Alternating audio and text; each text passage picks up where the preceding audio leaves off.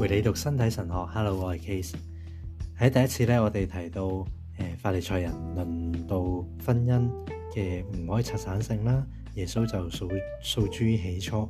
跟住我哋就提到咧，诶，第二次就提到创世纪嘅第一章入边有两个叙述系关于人受造嘅。咁上次就讲到第一个叙述啦，今日咧我哋就讲埋第二个叙述啦。喺其中咧，诶，上主嘅称号咧就叫做亚威啦。因此咧，我哋一般會認為呢個敘述咧，誒屬於亞威典嘅，係比較古老嘅。人獸組嘅第二個敘述啊，按其性質係具有另一種特色嘅，同第一個敘述有啲唔同。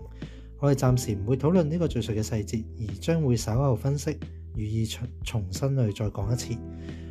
儘管如此，我哋必須要注意嘅，成個文本喺指明有關人嘅真體上面，顯出咗一個獨特嘅深度。同《創世記》第一章嘅文本好唔一樣嘅。我哋可以話呢一種深度，按其性質，主要係關乎主體嘅，因而喺某程度上呢，係關乎心理嘅，即係關乎嗰個人呢嘅嘅主觀啦嘅睇法啦，同埋佢嘅心理狀態。《創世記》第二章表達咗人嘅自我了解，可以話係呢一方面最古老嘅描述同埋記錄。而且啊，第二章連同第三章。系首次講到人嘅良心，接住更深入去探討呢個經文，並且通過呢一段敘述古體形式，同埋其呈現嘅早期神話色彩，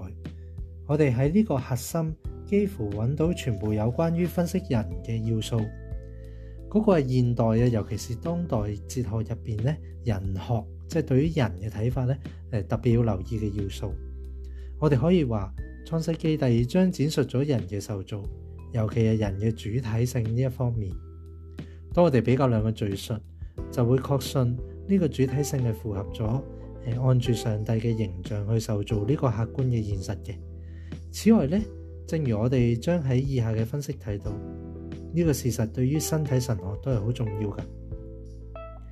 基督回应法利赛人嘅时候咧，就诉诸咗起初啦。首先引用嘅创世纪一章廿七节，就指人嘅受造系嗰个创造者自起初就做咗佢哋男人同埋女人，呢个系好重要嘅。佢喺呢番话之后咧，先引述创世纪二章廿四节嘅经文。至于直接描述婚姻嘅专一同埋不可拆散嘅性质嘅言论呢，就紧接喺创世嘅第二个叙述之后啦。第二个叙述咧有其特色嘅，就系上帝创造咗女人。系同创造男人分开创造嘅。至于上帝创造第一个人啦，即系所谓男人啦嘅叙述咧，就可以睇到喺诶创世纪嘅二章五到七节，圣经称呢个第一个人咧系亚当啊。而创造第一个女人之后咧，就开始称佢做男人啊。咁系两个唔同嘅字嚟嘅。咁呢个男人嘅字咧就相当于女人啦。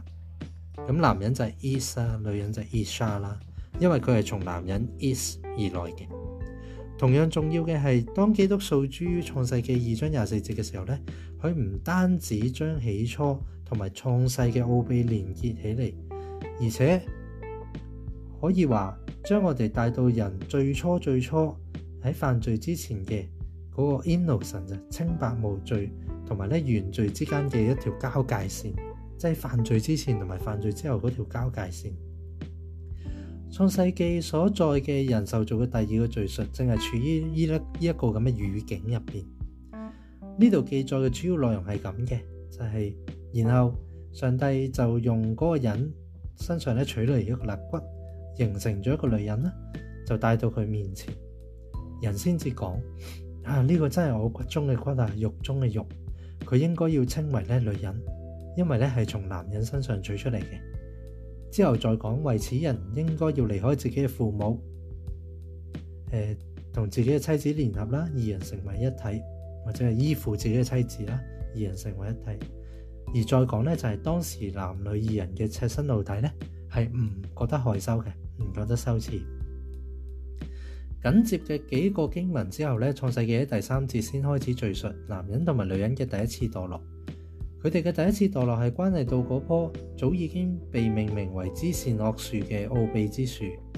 此後一個全新嘅處境先出現，本質上係同先前係截然唔不同嘅。知善恶树其實係一條交界線，處於創世記所述说嘅兩個原初處境之間。第一個嘅處境就係原初嘅煙奴神質，清白無罪嘅。當時咧，人咧，男人同埋女人可以話係意會到自己。原來並唔認識善惡嘅，直至到佢哋違反做物主嘅禁令，食咗支善惡樹果子嗰一刻為止。相比之下，第二個處境就係人喺蛇象徵嘅魔鬼怂恿底下違反咗做物主嘅命令啦，然後發現咗自己好似認識咗善惡咯喎。喺第二個處境，確立咗人嘅罪性狀況，同原初嘅清白無罪狀況咧，形成咗一個對比嘅。雖然咧，亞威點文本入邊整體上都係好簡要咁樣去講嘅，但係已經足夠區別咗同埋對照咗呢兩個原初嘅處境。我哋喺呢一度講嘅係處境啊，所討論嘅係個罪事、罪述事件嘅描寫。然而透過呢個描述同埋其中嘅細節，人嘅罪性同埋人嘅原初清白無罪兩種嘅狀況之間嘅區別咧，就更加清晰啦。系统神学咧就系要从呢两个对立嘅处境区分人性两种截然唔同嘅状况，即系前边嘅就系完整嘅人性状况啦，之后嘅就系堕落嘅人性状况啦。咁可以见于创世纪第二章同埋第三章嘅阿威典文本，其中记载咗最古老嘅启示，而且为人嘅神学啦同埋身体嘅神学嚟讲咧系有重大嘅意义嘅，因为咧都系关乎诶。人喺完整嘅狀況同埋墮落之前後咧，有啲咩分別？同埋咧，對於身體嘅理解有咩分別？當基督數主起初嘅時候咧，佢引導對談者注意創世記二章廿四節所記載嘅説話。